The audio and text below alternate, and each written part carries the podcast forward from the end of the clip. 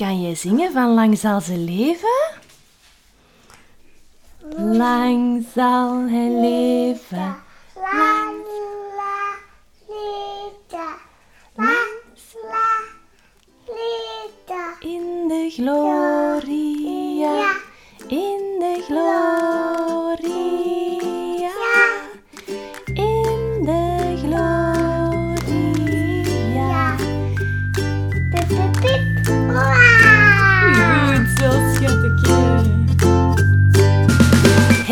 ben Janne, logopediste en mama van twee jonge kindjes, Emma en Noah.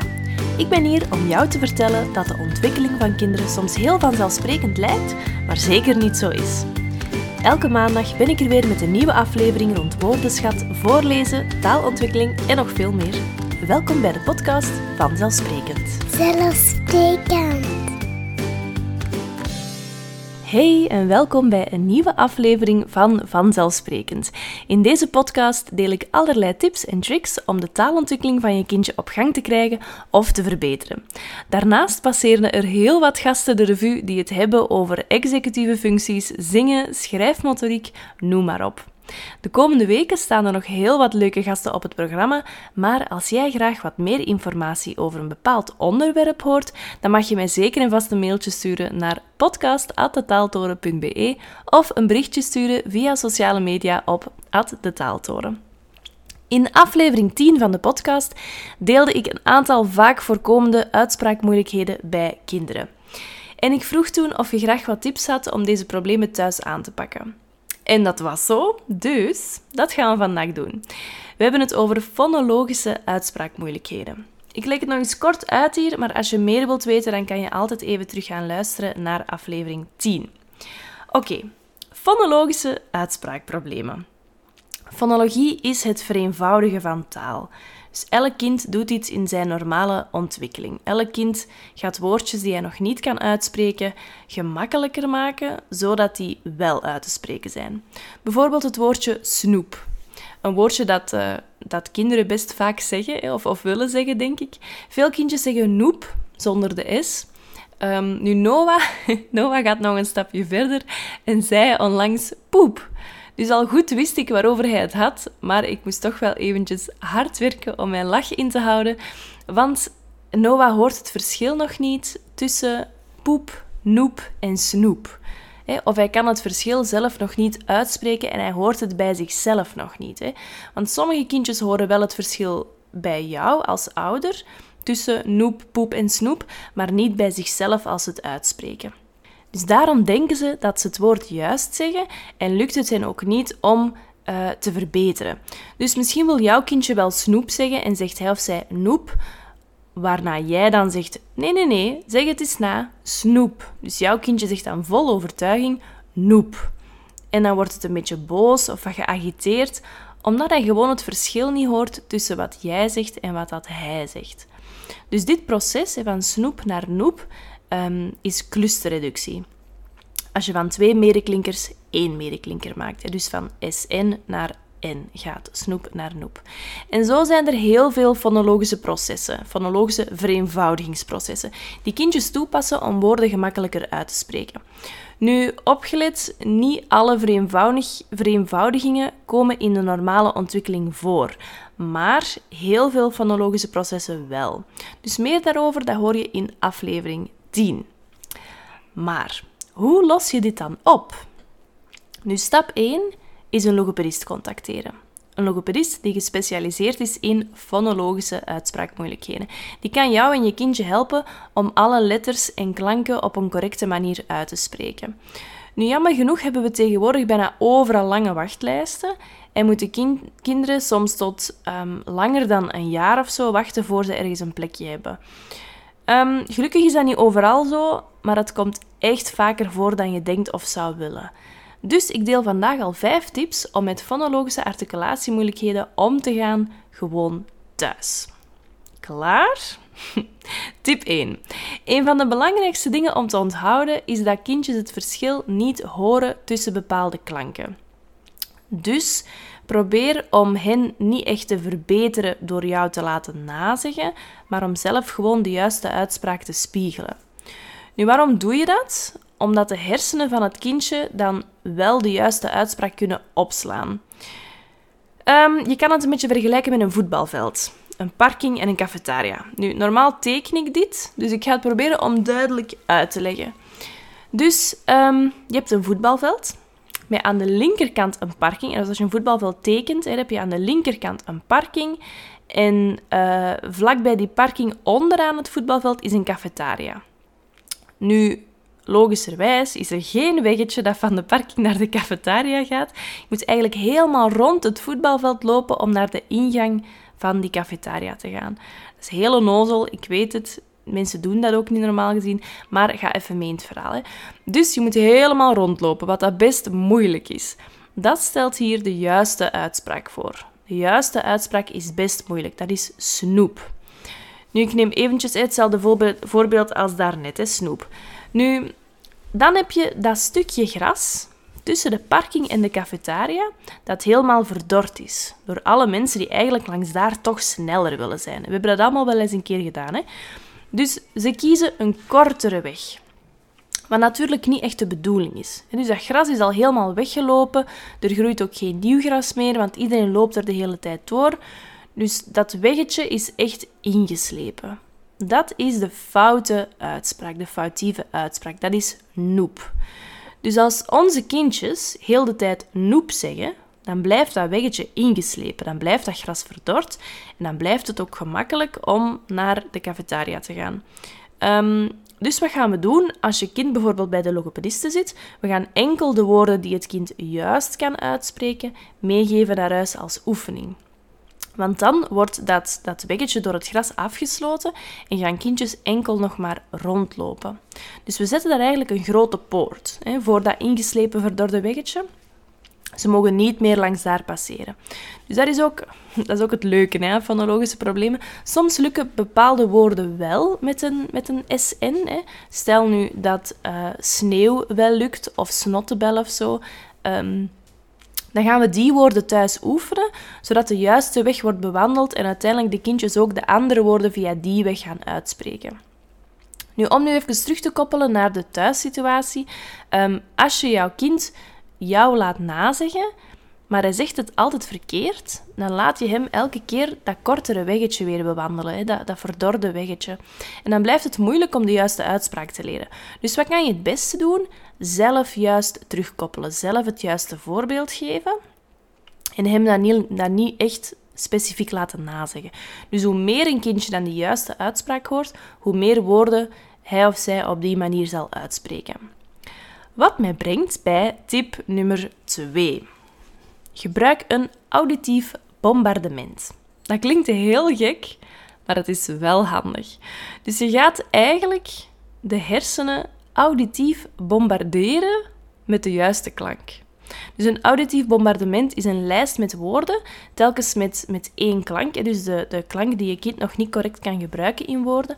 Um, dus stel nu in ons voorbeeld uh, dat je kind noep zegt in plaats van snoep, dan ga je eigenlijk allemaal woorden met SN gaan oplijsten. Een stuk of, of 10, 12 ongeveer.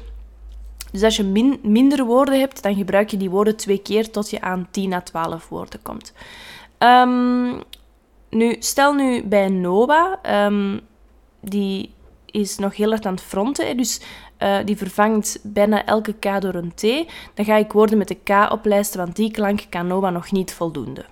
Dus als je kind noep zegt in plaats van snoep, ga je woorden met een, met een sne gaan um, oplijsten. Als je kind een K door een T vervangt, ga je woorden met een K gaan doen. Nu, af en toe doe ik nu, uh, hoor ik nu um, een K doorkomen bij Noah, dus dat is al heel fijn. Dus dat zijn dan ook de woorden die ik extra ga gebruiken thuis met hem en veel ga proberen uitlokken. Um, niet nazeggen, maar uitlokken, zodat hij rond het voetbalveld gaat in plaats van door dat verdorde weggetje. Um, dus je maakt zo'n auditief bombardement of je vraagt dat aan, aan jouw logopediste of zo. Uh, en voor de, de, de cluster SN, de SNE, zou dat er dan zo kunnen, kunnen uitzien. Snoep, sneeuw, snottebel, sneeuwbal, snipper, snik, snuit, sneeuwman, uh, snoep nog een keer en dan nog een paar woorden met sne en klaar. Dus dat lees je dan één keer per dag voor aan je kind. Nu, je kind hoeft die woorden niet na te zeggen. Het hoeft enkel te luisteren. En net weer omdat je dan um, dat, dat verkorte weggetje gaat afblokken. Dus je gaat enkel luisteren, of je kind gaat enkel luisteren. Um, als je nu zoiets hebt van, elke dag, dat is wel kei veel. Um, dan heb ik nog een tip om het gemakkelijker te maken. Als je het auditief bombardement koppelt aan een andere routine, dan ga je er echt veel gemakkelijker aan denken. Bijvoorbeeld um, tijdens het tandenpoetsen. Als je kind zijn tanden poetst, dan lees jij de woorden voor. Je kind kan de woorden niet nazeggen, want hij heeft een tandenborstel in zijn mond en jij bent er zeker van dat hij de woorden elke dag hoort. Kleine disclaimer hierbij: als je kind een elektrische tandenborstel heeft, dan doe je dat best niet tijdens het tandenpoetsen, want dan hoort hij u niet spreken. Want dan hoort hij heel de tijd van die elektrische tandenborstel. Um, dus koppel het dan bijvoorbeeld aan het laatste toiletbezoek, aan een, uh, het voorlezen van een boekje, uh, eten aan tafel bijvoorbeeld, eender welke andere routine dat je hebt thuis. En je doet dat zelf ook, hè. Um, ik ben nu sinds kort terug aan het sporten. En ik probeer dus nu mijn core-spieren aan te spannen. Um, en ik heb dat wat ge gekoppeld aan de trap oplopen en aflopen. Vooral oplopen dan. Aflopen, dan, uh, vergeet ik het nog vaak. Um, maar ik kan dat bijvoorbeeld ook doen tijdens het koffie zetten of zo. Of ik kan dat ook doen tijdens de boterhammen van de kindjes smeren of zo. Dus als je dat koppelt aan een, aan een, uh, aan een routine, dan is het veel gemakkelijker om eraan te denken. En dat is dus hetzelfde met dat auditief bombardement. Het belangrijkste is gewoon dat je die woorden elke dag voorleest, zodat het weggetje rondom het voetbalveld meer bewandeld wordt dan het weggetje door het gras. Tip 3. Benadruk de juiste klank extra hard. Dus net zoals bij de vorige tip, ga je hiermee de hersenen weer de juiste klank aanleren, want we weten dat een, uh, een fonologische articulatieprobleem of een fonologische articulatiemoeilijkheid, dat die niet in de mond ligt, het is niet dat kindjes die klank niet kunnen uitspreken, want Noah spreekt wel af en toe een K uit, maar niet wanneer het moet. Um, dus het ligt in de hersenen. Niet in de mond, maar in de hersenen. Um, nu, Noah zei onlangs eh, koe bijvoorbeeld met de K, uh, maar hij zegt nog altijd tijd voor kijk. Dus dat is het gekke en, uh, en meteen ook wel het leuke aan fonologie en aan fonologische therapieën ook in de praktijk. Dus als je tip 3 wil toepassen, dan benadruk je de klank die moeilijk loopt. Bij ons voorbeeld van de dag, snoep, is dit de S. Je gaat dan die S extra lang maken en zeggen snoep. Nu, dit kan je ook doen tijdens het auditieve bombardement. Nu, let wel op, er zijn sommige klanken die gemakkelijk te verlengen zijn en andere die niet gemakkelijk te verlengen zijn. Een S kan je gemakkelijk lang maken, maar een T bijvoorbeeld niet. Een M dan weer wel, een B dan weer niet. Een V dan weer wel en een K dan weer niet. Dus wat kan je wel bij alle klanken doen? Dat is tip 4. Gebruik visuele of tactiele cues. Dat zijn weer zo'n termen die je misschien kent, misschien niet. Um, dus ik leg ze kort eventjes uit. Een visuele cue is iets dat je kind kan zien, een reminder. Iets waardoor je kind meteen weet, ah ja. Dus bijvoorbeeld bij de T wijs ik naar mijn tong. Bij de K wijs ik naar mijn keel. En bij de S bijvoorbeeld, bij zo um, woorden als sneeuw en snoep, dan ga ik met mijn hand tijdens die S over mijn arm glijden, um, zodat kindjes ook kunnen zien dat het een lange klank is. Dus deze cues kan je ook heel gemakkelijk toevoegen aan dat auditieve bombardement. En dus dan heb je je lijst met woorden, waarbij je die klank gaat benadrukken dus langer gaat maken of, of harder gaat uitspreken. En eventueel dus ook een visuele cue gaat, aan gaat koppelen. Nu, dan heb je nog de tactiele cues. Wat je niet gebruikt bij het auditieve bombardement, maar later wel. Um, als je kindjes dan de woorden gaan nazeggen. Wat uiteindelijk wel de bedoeling is, maar niet in het begin. Omdat we dus eerst dat voetbalveld ehm, eerst willen rondgaan en niet uh, door dat verdorde weggetje gaan gaan. Dus dan kan je eigenlijk diezelfde cues die jij bij jezelf hebt gedaan, dus die visuele cues, zoals naar je keel wijzen of met je hand over je arm gaan, kan je die nu ook bij je kindje doen, zodat je kindje dat voelt. Want een tactiele cue is iets voelen. Nu, um, Stel nu bij Noah, als ik naar mijn keel wijs en de K uh, zeg, en ik wil Noah dan daarna het woordje koek laten zeggen of kijk, dan ga ik um, als we daar dan zijn, in de toekomst dus, en na, na het heel veel voor te doen, ga ik met mijn vinger naar zijn keeltje wijzen. Of zelfs er, er tegen tikken, zodat hij het ook voelt. Ehm, en daarna kan ik zelfs zijn handje nemen om met zijn vinger te gaan tikken. Dus zodat Noah ook leert om dit zelf te doen na verloop van tijd. En zo kan hij zichzelf cues geven als hij aan het twijfelen is. Ehm, dit is ook iets dat we veel gebruiken in, uh, in een logopedie-sessie, ehm, van die tactiele en visuele cues. Nu als laatste tip, tip 5, heb ik een tip voor um, kindjes die al wat ouder zijn. Nu zeg 4 jaar, 5 jaar, 6 jaar eventueel. als je kindje op die leeftijd nog moeilijkheden ondervindt met bepaalde klanken, dan kan je minimale paren gaan gebruiken. Nu, wat zijn minimale paren? Dat zijn twee woorden die maar in één klank verschillen. Toevallig dan de klank die jouw kindje moeilijk vindt. Um, is dat de T en de K zoals bij Nova, dan kan ik later, als Nova wat groter is, uh, woorden kiezen zoals top, kop. Waarbij dus enkel de T en de K van elkaar verschilt, want top en kop, het stukje op, is hetzelfde. Nu, belangrijk hierbij is, is dat je woorden neemt die effectief bestaan, zodat je er een betekenis aan kan koppelen. Um, nog een aantal voorbeelden met TK zijn bijvoorbeeld uh, taartkaart, tom, kom, tegel, kegel, hoed, hoek. Het kan ook achteraan in woordjes bijvoorbeeld. Um, ja, zo van die woorden. Um, en wat ga je daar mee doen met die minimale paren? Als je er een paar hebt gevonden, dan ga je daar prentjes voor voorzien kan je gewoon op Google eventjes intikken of zo en dan kan je daar um, twee prentjes van printen. Dus dan heb je bijvoorbeeld twee prentjes, hè, een hoed en een hoek. En dan ga je eventjes testen of je kind het juiste prentje kan selecteren als jij het woord zegt. En dus je, je geeft je kindje een prentje van een hoed en een prentje van een hoek. En dan zeg jij hoek. En dan zeg je, jij steekt het prentje in de lucht dat ik zeg. En dan zeg je, klaar, hoek. En dat probeer je dan tien keer of zo. Ehm, je benadrukt de klank eventueel, of je helpt waar nodig met, met een visuele cue of met een tactiele cue. Maar je bouwt die hulp ook af tot je kind het helemaal auditief kan, helemaal op het gehoor. Zonder extra cues of hulpmiddeltjes. Nu, als je kind dit kan, dus dat is, dat is wel moeilijk, hè, omdat er fonologische articulatiemoeilijkheden zijn, en je kindje dus het verschil niet gemakkelijk hoort tussen die letters, dan kan het zijn dat je kindje dit heel moeilijk vindt in het begin. Ehm, en dit is dus ook een van de eerste stappen in een fonologische therapie. Um, maar naarmate dat je dat meer en meer oefent en dat je kindje daar bewuster van wordt, wordt dat wel gemakkelijker om dat te horen.